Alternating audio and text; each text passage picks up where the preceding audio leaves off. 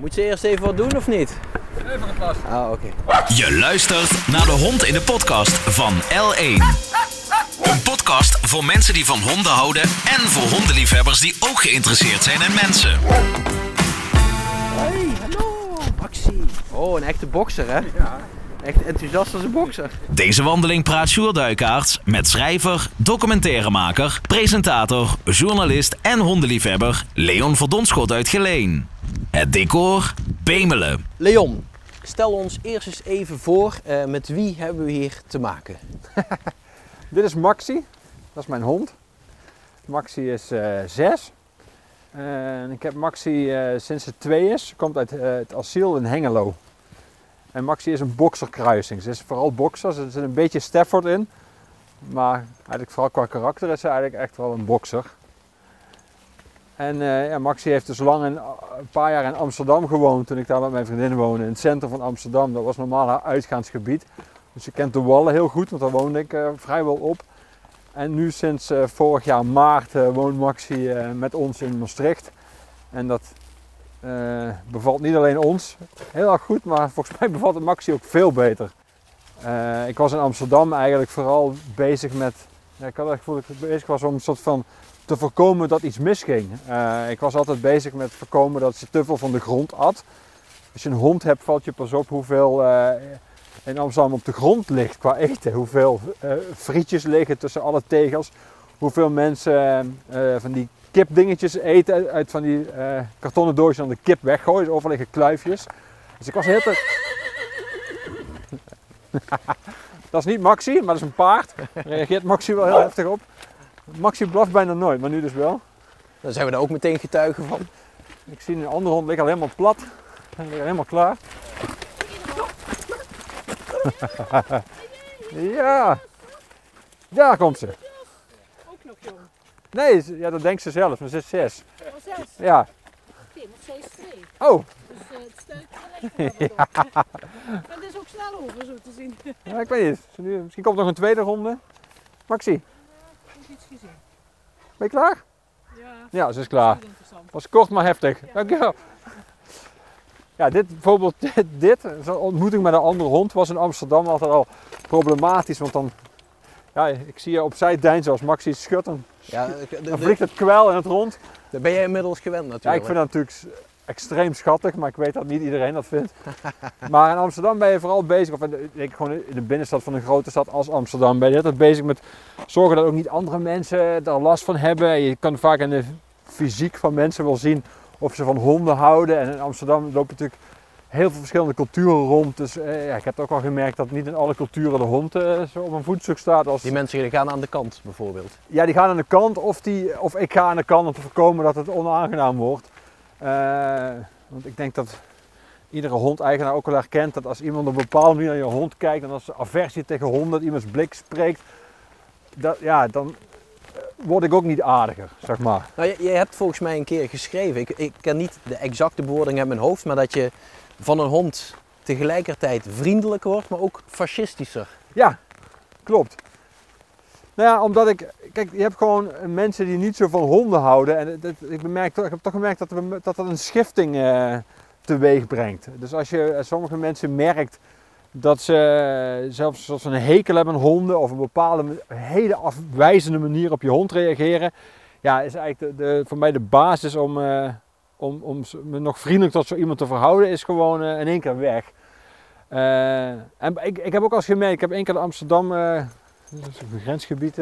Ik heb één keer in Amsterdam gemerkt, eh, toen zat ik op de fiets en toen eh, liep ik langs iemand die zijn hond schopte. Eh, en toen, voordat ik het zelf door had, was ik al van mijn fiets gesprongen en rende ik op die gas af. En die schrok er zo van dat hij in elkaar dook. Maar ik, ik, ik realiseerde me daarna pas dat ik echt op het punt om mezelf ook te schoppen. De- Bij mij brengt dat enorm veel emoties teweeg als iemand dieren en dan zeker honden onvriendelijk tegemoet treedt. Of Maar is dat altijd zo geweest of is dat nu je zelf een hond hebt? Nee, dat is altijd zo geweest. Dat is denk ik ook achteraf gewoon eh, het bewijs dat ik een hond moest hebben. Ja. Dat een hond bij mij past. Dat heb ik eigenlijk mijn hele leven al gehad. En ik, dit is alleen Max is mijn eerste hond. Maar achteraf gezien is het, hebben alle tekenen altijd naar een hond gewezen bij mij, voor mij. Ne- Neem ons even mee terug naar je jeugd in Geleen. J- jullie woonden op een flat en Ja. jullie hadden één huisdier, een Ja, parkiet. Een parkietje. ja. Pietje. Ja. Die zat eh, in een kootje, wat ik achteraf heel zielig vind, maar dat is ook het lot van vele parkieten. Ehm, ja, die, eh, ja dat, van, met een parkiet valt natuurlijk, eh, in zekere zin net als met een goudvis, het, zeg maar, het assortiment, emotionele band dat je met een parkiet kan opbouwen is gewoon vrij beperkt. Dus, maar ik was toch ontroostbaar toen Pietje uiteindelijk het leven liet. En op de een of andere manier heb ik dat altijd soort van onthouden dat dat dus betekent dat ik me dat ik geen huisdier moest nemen, dat ik me daar veel te veel aan hechtte. Dus ik heb er jarenlang, ik heb eigenlijk sinds, zeg maar, sinds die parkiet, heb ik nooit meer eh, een huisdier gehad. Eh, terwijl ik mijn zeker liefde, zeker voor honden, altijd enorm groot is geweest. Waar, waar kwam dat dan vandaan? ja, weet ik niet. Het was een soort combinatie van, een soort van al, alvast een soort van bang voor verdriet dat ooit komt als je huisdier er niet meer is.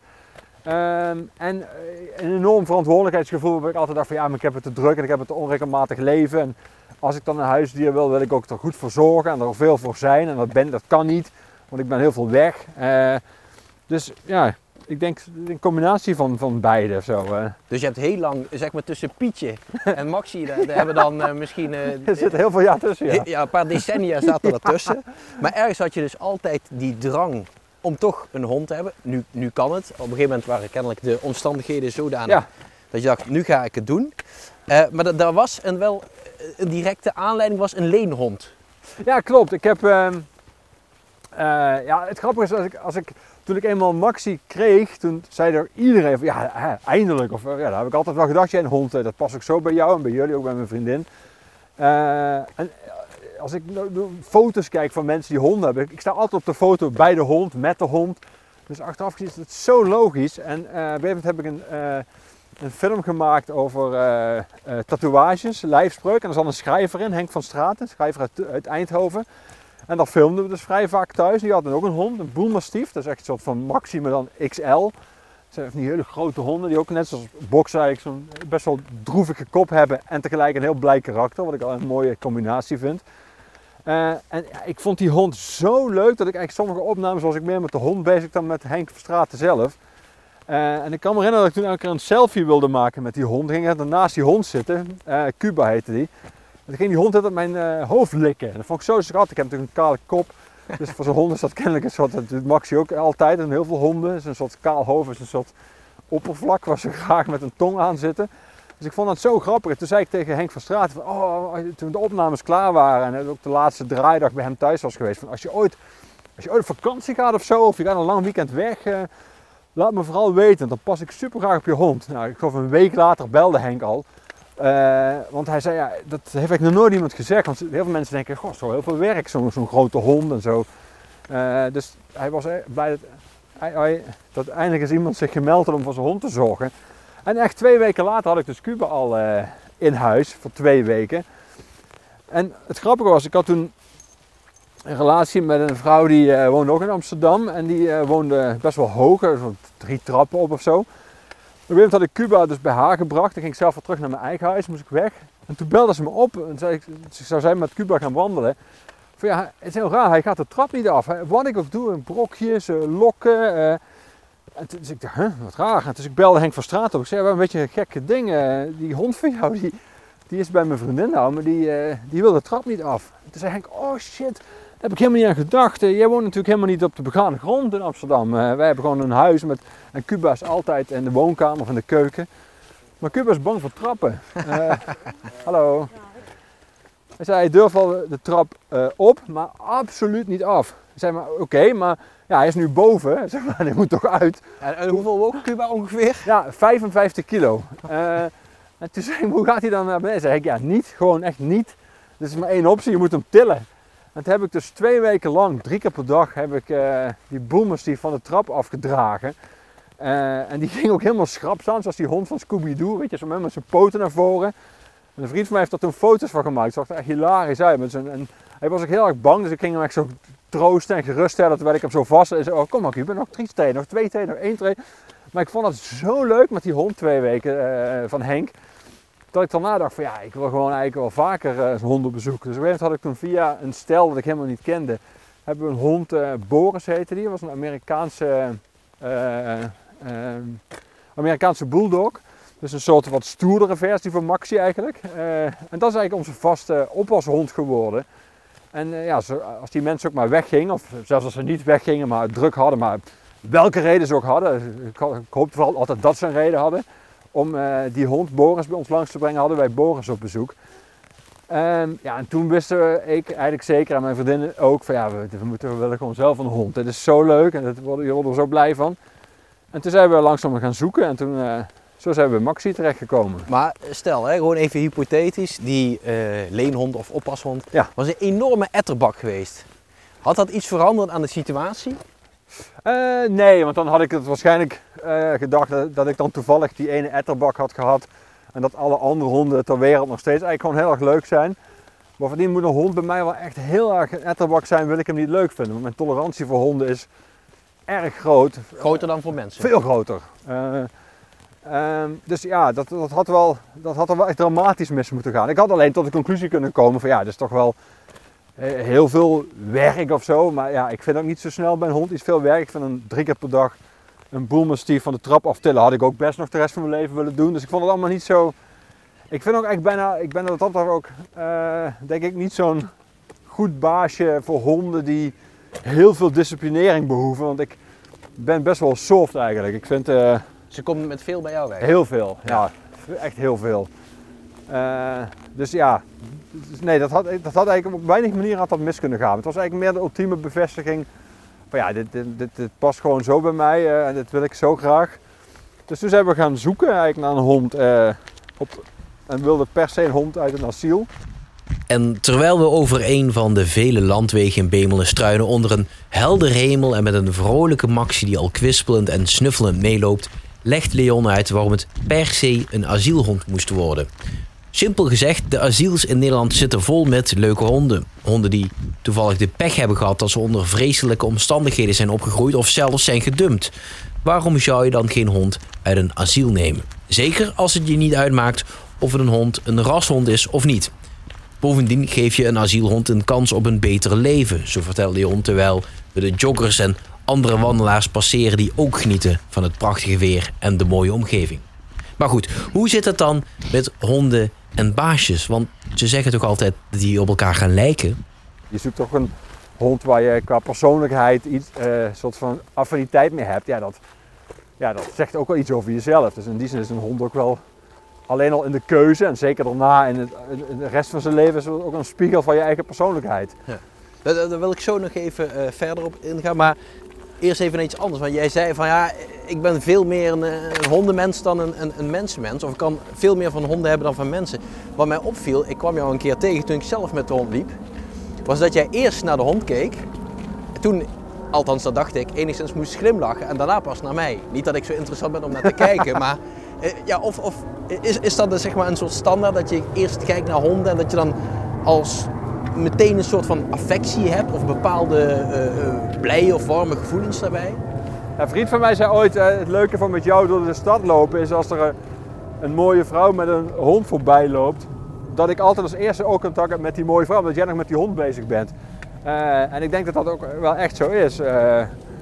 Ja, ik, ik heb dat altijd gehad en ik heb dat heel sterk. Ik voel altijd als ik honden zie ergens, als ik ergens zit te wachten en er komt een hond, heb ik altijd die neiging om gewoon mijn hand uit te steken en dan weet je, die hond te laten snuffelen. En ik vind alleen al het gevoel van een hond die aan je hand snuffelt en zo'n natte neus van een hond, vind ik al, ik word er heel rustig van. Ik voel een enorme eh, connectie. Ik vind, ja, er zijn echt weinig honden die ik niet sympathiek vind of leuk vind of ontroerend vind of lief vind of waar ik op welke manier dan ook op aansla. Terwijl ik dat bij, ja, bij, eh, bij mensen, heb ik, ik heb geen hekel aan mensen, bij mijn medemens, maar ik heb niet auto, je hebt dus dat cliché wat sommige mensen weten dat ze een mensenmens zijn. Ja, er zijn heel veel mensen die ik ontzettend mag. Er zijn ook heel veel mensen waar ik betrekkelijk weinig mee heb. Maar het is niet dat ik op elk mens aansla. Dat ik meteen Ja. een soort van eh overweldigd word door allerlei emoties als ik gewoon in een weiland een mens tegenkom. Maar dat heb ik met honden eh, wel echt heel snel en heel vaak. Dus ja. Dat, dus dat was niet zo heel raar dat je eerst naar de hond keek. Nee, het was niet om jou, eh, ik, ik kan me dat niet meer herinneren. Waarschijnlijk als ik die hond zie, denk ik, oh ja, die hond.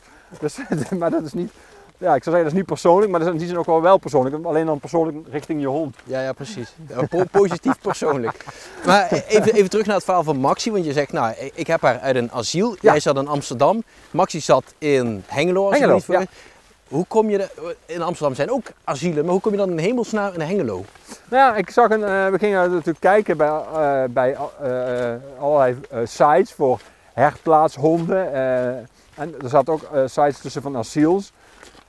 En op een moment zagen we een foto van Maxi en er stond een tekstje bij dat eh, er was een asiel dus in Hengelo die echt best wel eerlijk was. Sommige, weet je, sommige viel me op, sommige van die herplaatssites, ja, die vinden, het is net zoals met Funda, weet je. Elk huis, zeg maar, een bouwval is dan charmant en een eh, Frans terras is een dakterras. En weet je, alles is, heeft zo'n eufemistische term waarbij het dan toch aantrekkelijk lijkt. Dat heb je bij die herplaatssites ook.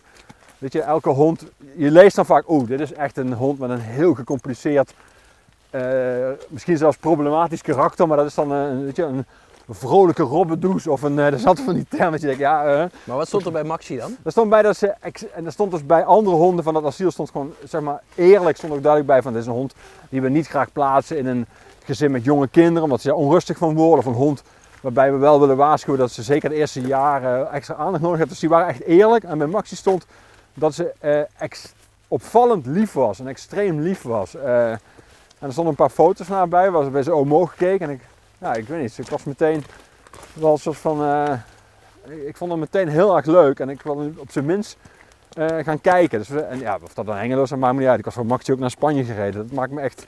Bedoel, dus iemand... Dus een- hond is ja, voor jarenlang je huisgenoot en even je beste vrienden. Dus waarom zou je dan niet even van een Hengelo rijden? Dat vind ik nou... Ja. Dus, dus je ging naar Hengelo en je schreef ook van... eh, ik, ik wil een bepaalde hond. Eh, een hond met, ja. een, met een kop als Bruce Springsteen, zei je. Ja. Heeft Maxi een kop als Bruce Springsteen? ja, vind ik wel. Wat is dat dan? Ja, Bruce Springsteen, je kan beter omdraaien. Bruce Springsteen heeft een eh, trouwe hondenkop. Als in een hele Springsteen is zeg maar niet klassiek mooi, maar wel karaktervol. En hij heeft een soort, hij heeft natuurlijk ook zo'n centenbakje. Dus hij heeft een beetje zo'n, ja, daar zit iets soort van iets, iets eh, noestigs in. En ook wel iets eh, liefs, maar op een soort beetje vierkante manier. Ja, dat vind ik aan Maxi ook. Ik kan, ik kan echt eh, uren aan Maxi, letterlijk soms uren aan Maxi kijken. Gewoon omdat er zoveel mimiek in haar kop zit. En dat, maar dat, dat de, eerste oogopslag van een bokser is natuurlijk een soort rare combinatie van dat je kan zien dat ze heel blij zijn. Soms spatten ze bijna letterlijk uit elkaar van vreugde. En gaat die achterkant van dat lichaam gaat alle kanten op eh, en die staart. Eh, maar ja, er zit er iets, toch ook iets soort van bijna een melancholische triestheid in, in, in, in die kop. En die combinatie is gewoon heel erg leuk. Het is alsof die vrolijkheid zo van door, die, door, de, door dat sombere gelaat heen breekt.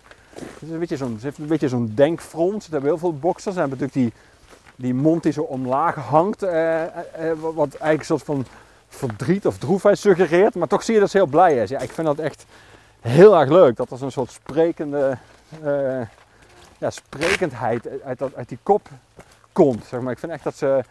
Ja, misschien een beetje een rare term voor een hond, maar ik vind dat Maxi en ik vind dat heel veel boxers hebben echt charisma. Maar, Eh. maar ben jij ook een romanticus? Want als ik jou zo hoor, je zou volgens mij zo een boek erover kunnen schrijven. Ik zou zeker ooit een boek van Maxi willen schrijven. Ja, daar zit absoluut een boek in. Ja, nee, ik vind... Maar ik een gegeven moment ook... Kijk, we waren eigenlijk op zoek naar een hond die een beetje leek op Boris. Dus een, eh, die, die leenhond die we hadden. Dat was een Amerikaanse bulldog. Die zijn wat groter en ook wat, wat stoerder dan boxers. En wat, eh, nou, een beetje robuuster. Dus ehm, ik vond Maxi, de eerste keer gingen kijken, Maxi is ook een vrouwtje. Maxi is best wel klein voor een bokser. Ik vond haar meteen heel erg leuk, maar ik vond haar wel heel klein, wat ik gewend was. Dus een beetje fluffy. En Boris was heel hard. Als je die aaide, dat je echt zo... Dus ja, het viel me ook op als ik met Boris bij mensen kwam, gingen ze altijd zo heel erg hard op zijn rug slaan. Weet je, zo van bonk, bonk, bonk. Zo, zo, dat kan hij wel hebben. Zo, weet je, die gingen ze nooit aaien, die gingen ze altijd zo eh, tikken, zeg maar. Dat riep, een van die riep hij dat op. En terecht ook, want die hond was echt heel robuust. Zeg. Die had echt een harde kop. Dus Maxi vond ik in het begin heel erg, ik moest even aan wennen. Ze zo fluffy was en zo klein en zo zacht. Het is ook een vrouwtje ook. Maar ik was wel meteen heel erg, eh, ik vond hem meteen heel erg lief. Eh, maar de test was eigenlijk dat we, dat was een, een eis van het asiel, vond ik heel goed.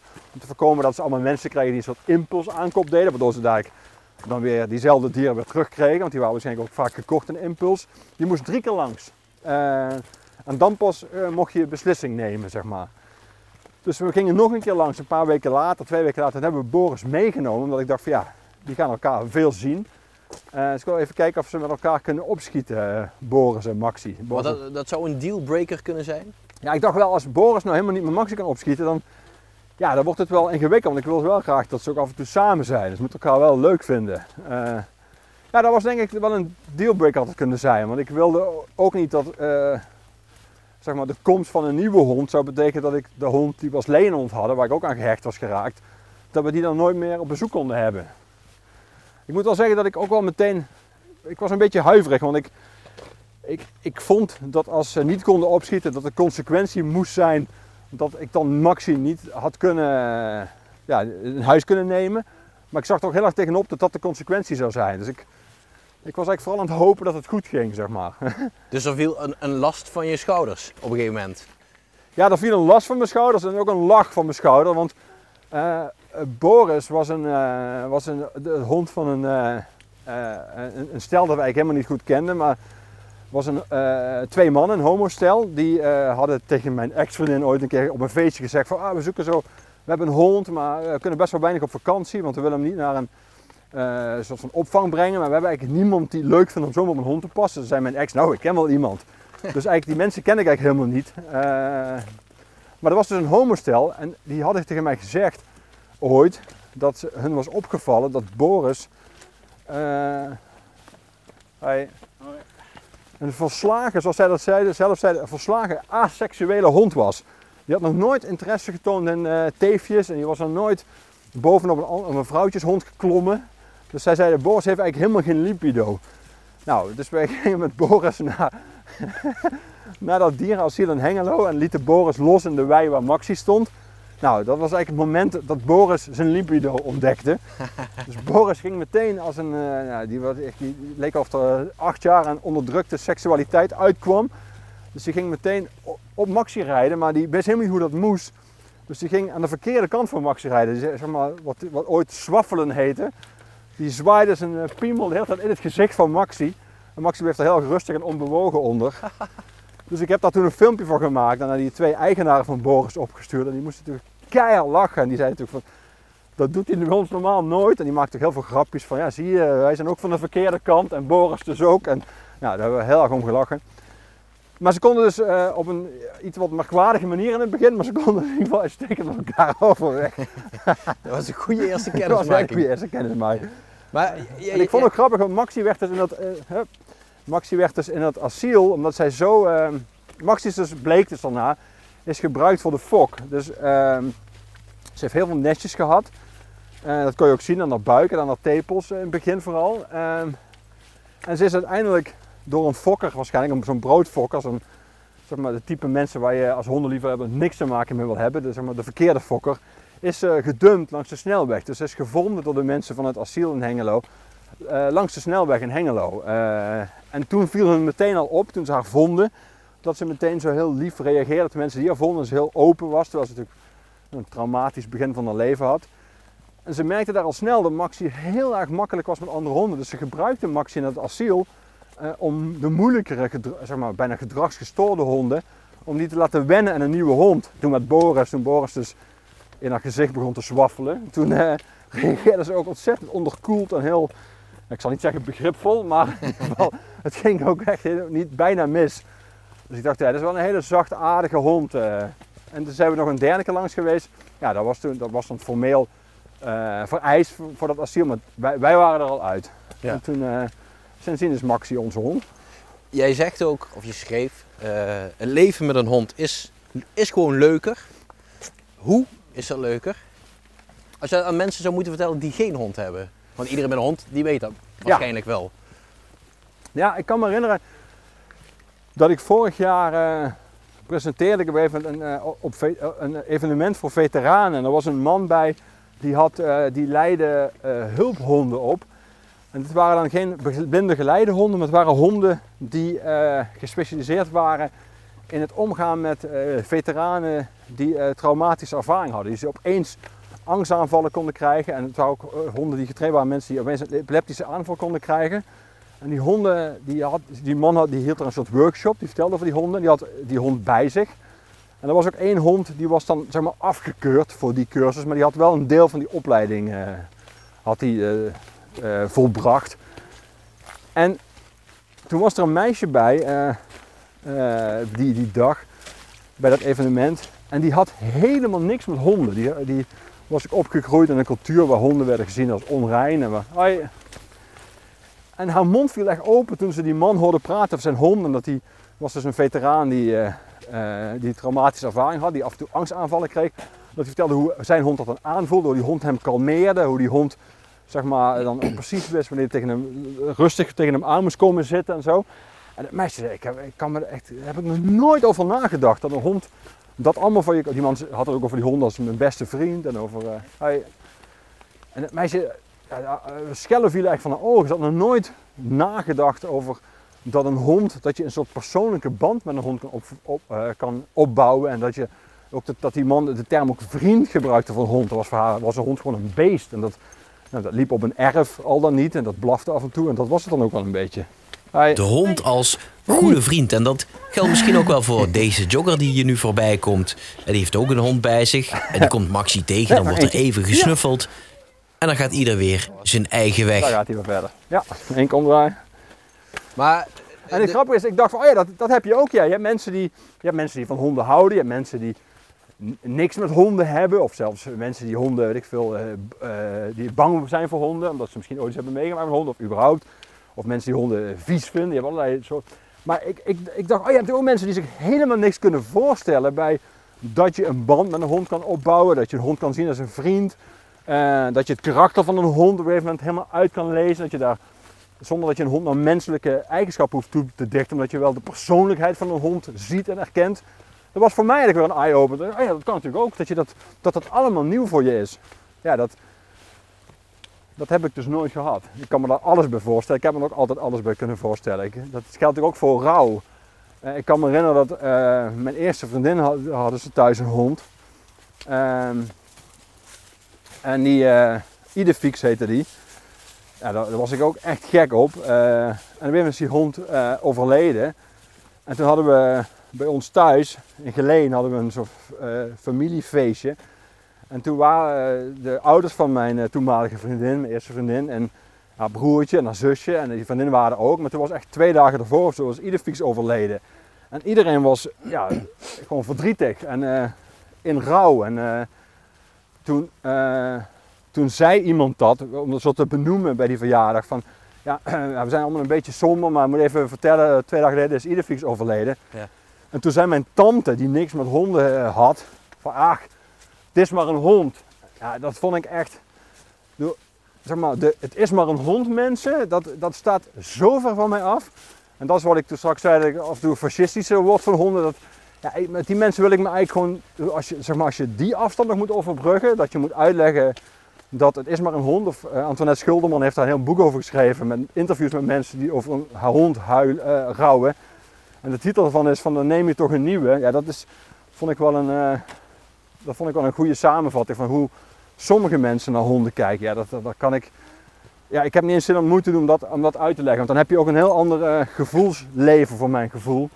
Eh, ja, ik, ik zou niet weten hoe ik die connectie moet maken. Als je dat werkelijk denkt, het is maar een hond. Of dat je, door, ja, ik, nogmaals, ik wil honden niet één op één met mensen vergelijken. Maar ja, ik zou nooit kunnen bedenken dat ik tegen iemand die zijn man of vrouw verloren is, op dag twee zegt, dan neem je toch een nieuwe. Dat, is echt, dat zou echt ondenkbaar zijn. Maar nou, nou, nou kaart je wel wat moois aan, want is Maxi dan voor jou een hond, een gezinslid of een soort van kind? Nee, dat is geen kind. Ik wil geen. eh, eh, ik praat wel tegen Maxi, omdat ik het ook gewoon leuk vind. om- Omdat boxers heel grappig reageren als je soms tegen ze praat. Omdat ze hun hoofd dan altijd zo kantelen, zeg maar. Dat is typisch iets wat boxers doen. Maar niet omdat ik dan de, de illusie heb dat ze werkelijk één op één eh, verstaat wat ik bedoel of zo. eh. Dus er is wel een grens aan. En die ligt voor mij vrij laag. Hoi. en menselijke eigenschappen die ik een hond wil. Ik, Maxi is een hond, punt. Maar Maxi hoeft ook helemaal geen. Ik hoef haar geen menselijke eigenschappen toe te dichten. Om nog steeds heel veel met haar te hebben en het gevoel te hebben dat we een band hebben. En haar te zien als een soort vriend en als een gezinslid en als Dat, dat kan ook voor dieren gelden. Ja, dus het is wel een, een gezinslid. Zeker. Een gezinslid dus. Een gezinslid waar Leon goed voor wil zorgen. Een hond met een vervelend verleden die de beste toekomst verdient. Maar niet alleen voor Maxi is de situatie veranderd, ook voor Leon. Alleen al omdat je met een hond moet gaan wandelen. Maar ook omdat je dan de omgeving beter leert kennen. Bovendien is het hier veel relaxter wandelen als in Amsterdam. Ik kan me zo herinneren dat ik hier net woonde. Of, eh, en dat ik toen ging wandelen hier in, het- hier in Bemelen in het veld. En dat ik toen een man tegenkom. Die had zijn hond bij zich. Die hond liep gewoon los. En die kwam aanlopen. En die hond liep echt lang voor hem uit. En eh, dus ik kwam die man tegemoet. En daarna die hond. Of eerst die hond en toen die man.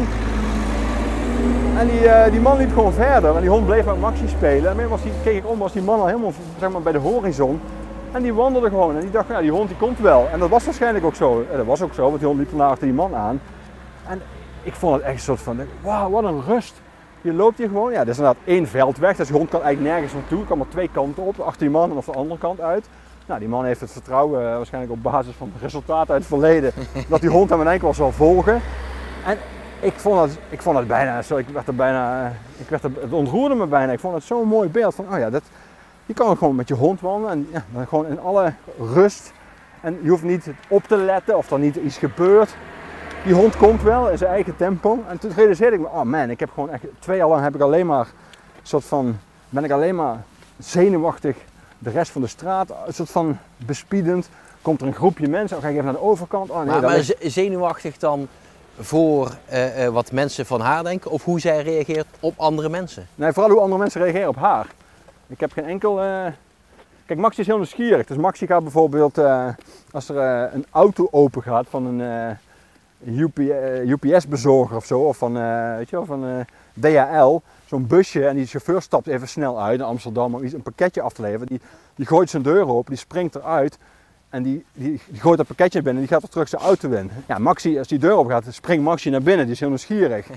Eh, als er een kinderwagen langskomt en dat kind kraait richting Maxi, die natuurlijk op dezelfde hoogte zit, eh, wil Maxi dat kind eh, likken. Ja, Eh, als, weet je wel, dat zijn allemaal van dat soort situaties. Ik, ik, ik weet natuurlijk dat Maxi geen kwaad in zin heeft, maar mijn angst is altijd geweest dat iemand anders denkt dat ze dat wel heeft, maar dat die verkeerd op haar reageert. Eh, en dat ik daar vervolgens weer verkeerd op reageer. Dus ik was altijd bezig met een soort van eh, potentiële situaties waarin het mis kan gaan. Of iemand, of weet je er komt een andere hond langs en ik zie gewoon dat hij niet wil spelen. En dan ga ik alvast aan de andere kant van de stoep lopen. Ik heb ook geen zin om een soort van half gevecht te moeten leven op een stoep met een andere hond. En een, en, eh, eh, weet je, een baasje dat Maxi niet kan lezen. Dus ik was de hele tijd gewoon op mijn hoede, zeg maar.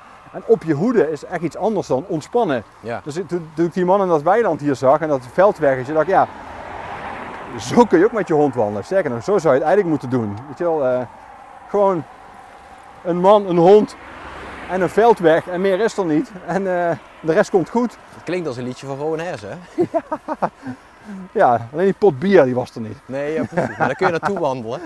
Maar eh, mag ik hieruit dan ook opmaken dat, dat jij ook, in ieder geval zolang je Maxi hebt, ook nooit meer terug gaat naar de Randstad? Nee, nee, absoluut. Mag je dan absoluut aflezen. Dus wat dat betreft hier helemaal je rust gevonden. Ja, dit is echt, oh, dit is echt een zoveel betere omgeving voor honden dan, eh, dan zeg maar, een volle binnenstad als Amsterdam. Eh, Wat is nou het grootste nadeel van een, van een hond hebben? Nadeel? ja, je, je, je vraagt het al alsof het niet bestaat. Maar ik bedoel, ik kan me ook voorstellen dat je. Kijk, al, ik heb ook een hond. Ja. En ik vind het grootste nadeel is dat het eindig is. Eindiger dan ons leven. In Ja. die zin, honden leven gewoon minder lang. Ja, ja dat is. eh, ja, dat is ook denk ik ook de, de belangrijkste reden dat ik na mijn eh, kanariepiet nooit meer een hond heb eh, gehad. Of nooit meer een huisdier heb gehad bedoel ik. En nooit een hond. Eh, ja, dat, ik merk, wel, grappig is, Antoinette Schilderman die dat boek heeft geschreven over mensen die over een hond rouwen. Die is mijn oud collega bij Nieuwe Revue. En ik heb, ik heb toen best wel in de, zeg maar in de aanloop naar haar boek, heb ik best wel vaak met haar erover gehad. Ik zei, dan moet je, zij is toen op een ze had een hele grappige hond, Ehm, en eh, daar was ze echt eh, ongelooflijk gek. Dat was een hele grappige hond. Ja, zoals alle tackles eigenlijk heel grappig zijn.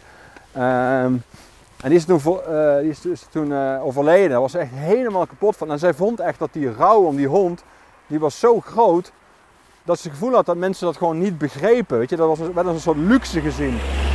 Alleen sommige andere hondeneigenaren begrepen dat. En zij zei, ik wil daar eigenlijk iets mee doen. Zeg, ja, ik vind dat je daar een boek over moet schrijven. Gewoon over rouw om, rouw om je huisdier.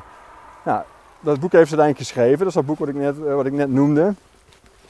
Eh, en ja, ik vond het heel tof dat ze dat uiteindelijk, niet dat het alleen door mij komt, maar ik, ik, ik, ik heb er wel eh, een van de mensen geweest die haar zoveel mogelijk heeft gestimuleerd om dat te doen.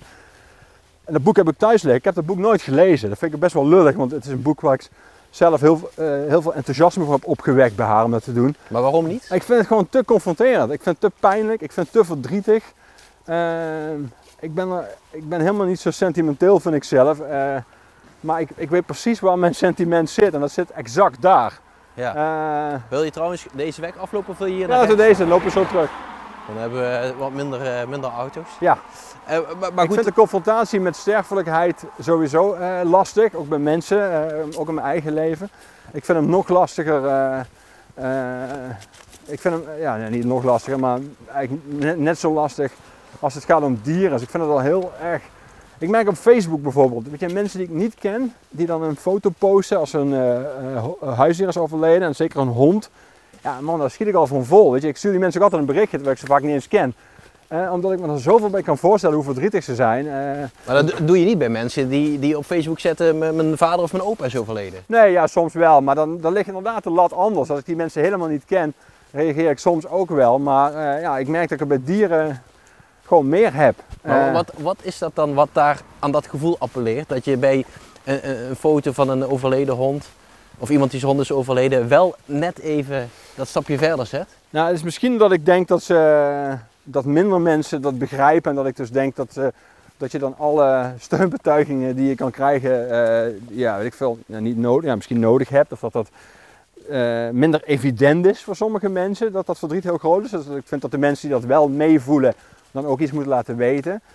Maar wat nou precies de reden is dat ik het, zeg maar, het lijden van dieren eh, ernstiger vind, of dat mij dat meer doet dan het lijden van mensen. Terwijl ik natuurlijk rationeel ook wel weet dat, dat, eh, ja, op, dat die op zijn minst vergelijkbaar zijn. Ja, dat weet ik niet precies. Dat ooit, ik heb ooit meegedaan aan een programma eh, voor de publieke omroep, eh, waar ze mensen aan de hand van een testen probeerden ze sommige mensen met een bepaald profiel probeerden ze te kijken hoe die in elkaar zaten. En dat ging dan bij mij, omdat ik al 30 jaar vegetariër ben, ging het over, oké, hoe zit een vegetariër? Dan moest ik allemaal gezondheidstesten doen. Kijken ze hoe ik als vegetariër, of ik eh, fitter ben of gezonder.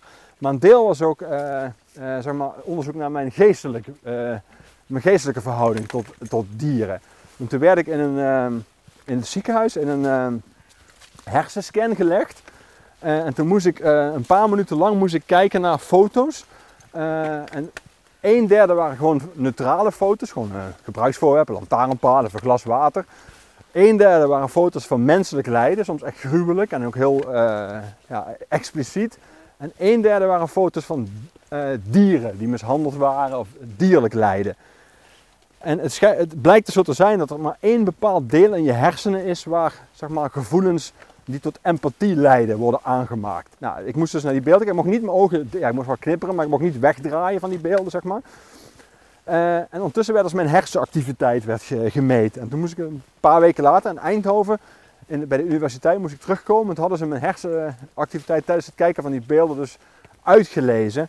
En toen bleek dus dat bij mij het verschil tussen eh, zeg maar, het kijken naar een neutraal voorwerp en menselijk lijden was kleiner dan het verschil tussen kijken naar menselijk lijden en dierlijk lijden. Dat schoot er zo ver naar boven dat ik kennelijk extreem gevoelig ben. Ja, en hoe dat kan weet ik niet, maar ik kon wel letterlijk op papier zien dat dat zo was eh, voor dierlijk lijden. Dus het vooruitzicht van het afscheid nemen van je huisdier bij andere mensen en ook bij mezelf, ja, vind ik zo verdrietig dat ik daar eigenlijk zo weinig mogelijk over wil nadenken. Omdat ik dan al bijna, eh, ja, ik, ik voel dan al bijna een soort van, eh, zeg maar, rouw vooraf. Ja. Eh, ik vind ook een hele vervelende vraag als mensen, dat vind ik ook zelfs een ongepaste vraag. Als mensen, nou, weet je, dan komen mensen tegen die, en dan, kun je, dan merk je vaak ook mensen niet zoveel met honden hebben van, ah, een van, oh ja, zo'n ah, Maxi, ah, ja. Dat is van, ja, een bokser met een beetje stef, oh ja. En dan dus dan vraag 3, hoe oud worden die? Denk ja, ik vraag het ook niet aan jou als jij je nieuwe vriendin voorstelt van hoe oud worden die? Of als jij, je krijgt een geboortekaartje van iemand, van mijn zoon is geboren, oh, hoe oud worden die gemiddeld? Dat is dan een infame, onbeschofte vraag. Dat, dat geeft toch echt aan dat je, dat, dat je echt geen idee hebt wat een hond voor iemand kan betekenen. De vraag hoe oud wordt die? Wat is dat nou een... Ja, dus ja, ik, eh, ik vind dat een heel lastig onderwerp. Omdat ik me echt, eh, zelfs al dagen dat Maxi gewoon niet bij mij thuis is, eh, ja, dan heb je natuurlijk af en toe dat je denkt, oh ja, zo is, zou het dus zijn als ze er niet is. En terwijl dat onzin is, want je weet namelijk ook dat ze twee dagen later weer thuis is. Maar alleen al de aanblik van een lege mand of een bank waar ze niet op zit, vind ik dan zo verdrietig. eh, dat ik er dan maar al snel aan moet denken dat ze over twee dagen wel weer thuis is. Maxi is eh, eh, nu zes. Ja. Ehm, he- hebben jullie zeg maar alles van elkaar al gezien? Ja, ik, het is wel grappig toen ik haar dus de eerste keer zag in dat asiel. Toen was ik dus nog, had ik heel erg die andere ho- hond in mijn hoofd, Boris. Die, en dat was een eh, Amerikaanse bulldog, dus die was veel groter en robuuster. Dus ik vergeleek ze ook eh, best wel.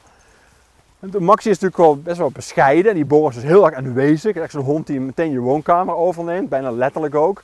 Ehm, en toen vond ik haar, eh, ik kan me herinneren ik toen tegen mijn vriendin zei van, ik vind haar heel lief, maar ze is ook een beetje, ja, een soort van, een soort van onbestemd of zo. Ik vond het niet dat ze meteen heel veel persoonlijkheid eh, toonde. Ja, het grappige is dat ik daar nog heel vaak aan moet denken, opmerken, dat ik, als iemand heel veel persoonlijkheid eh, blijkt te hebben, is het wel Maxi, weet je. Dus hij heeft echt zoveel personality. En, en, eh, ik vind hem ook echt een bokser in haar gedrag.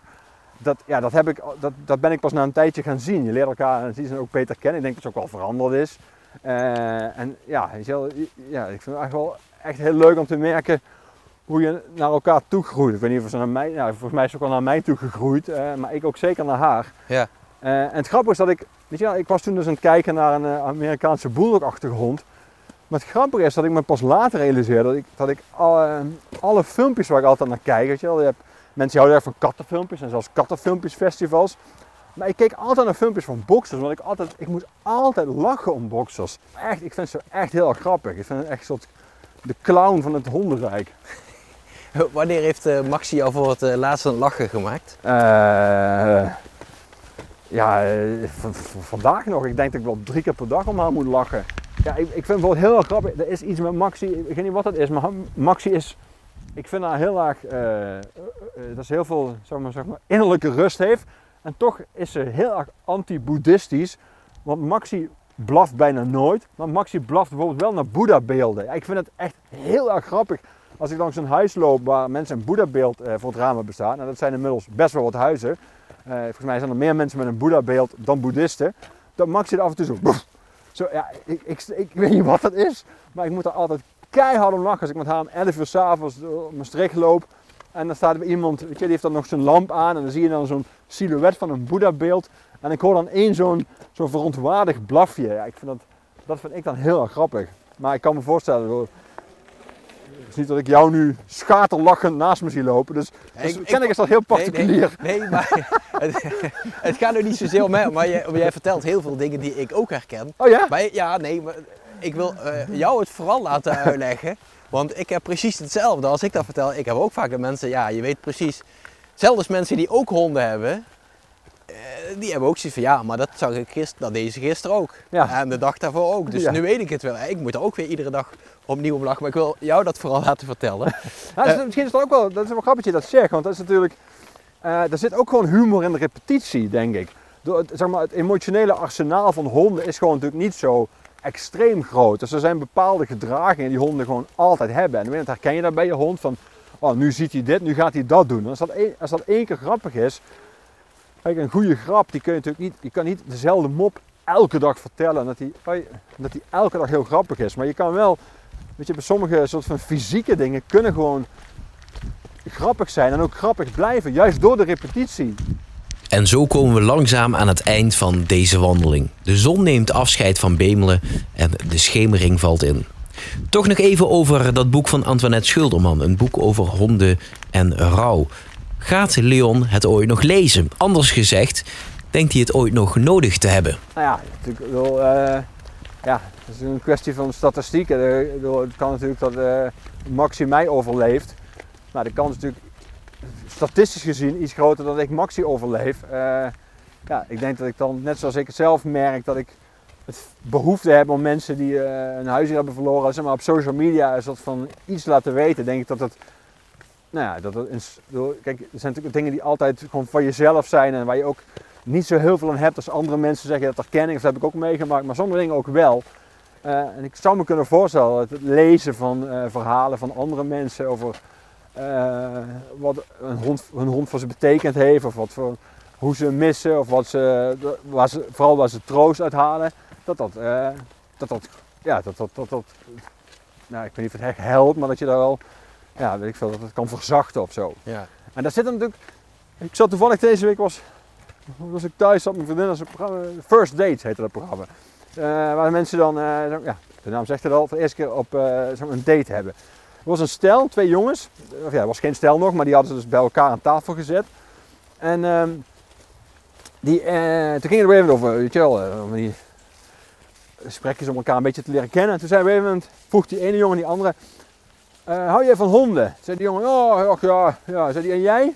Ja, ja, zei die, heel, heel erg van honden. Toen vroeg die jongen, wat, wat is je lievelingshond? En toen zei die, die gaf die jongen die heel erg van honden hield als antwoord, ik hou heel erg van tackles. En toen zei die andere jongen van, tackles? Ja, sorry, dan heb ik liever een echte hond. En daarna bleek dat die jongen die dat vroeg, die had een ring om zijn vinger met daarin de as van zijn gestorven tackle.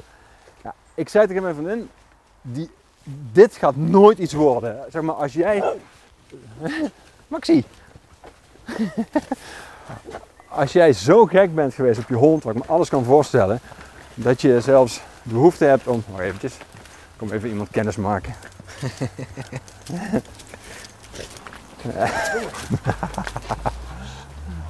kan, kan Maxi. Maar als jij, weet je, als jij, eh, en ik kan me alles bij voorstellen, als jij je, je hond, je tackle in dit geval, zo mist dat je graag elke dag soort van wil voelen dat hij, eh, dat hij op de een of andere manier nog bij je is en dat hij heel lang bij je was. En je zegt het tegen iemand, of je, zegt dat, je hebt dat nog niet gezegd, maar je voelt aan iemand dat hij niks met honden heeft en al helemaal niks met tackles en zich dus nooit zou kunnen inleven. Ja, dat is gewoon, die twee zullen echt nooit en ten nummer een relatie krijgen. Dat wist ik toen al.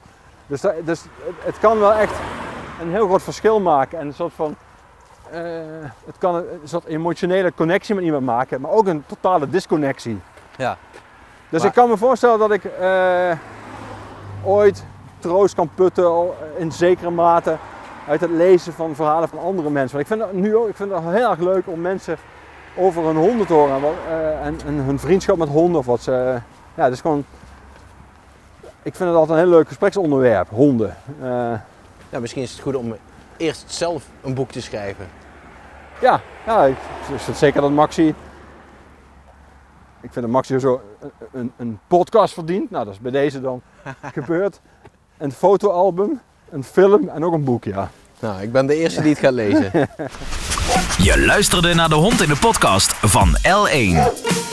Meer podcast via l1.nl slash podcast.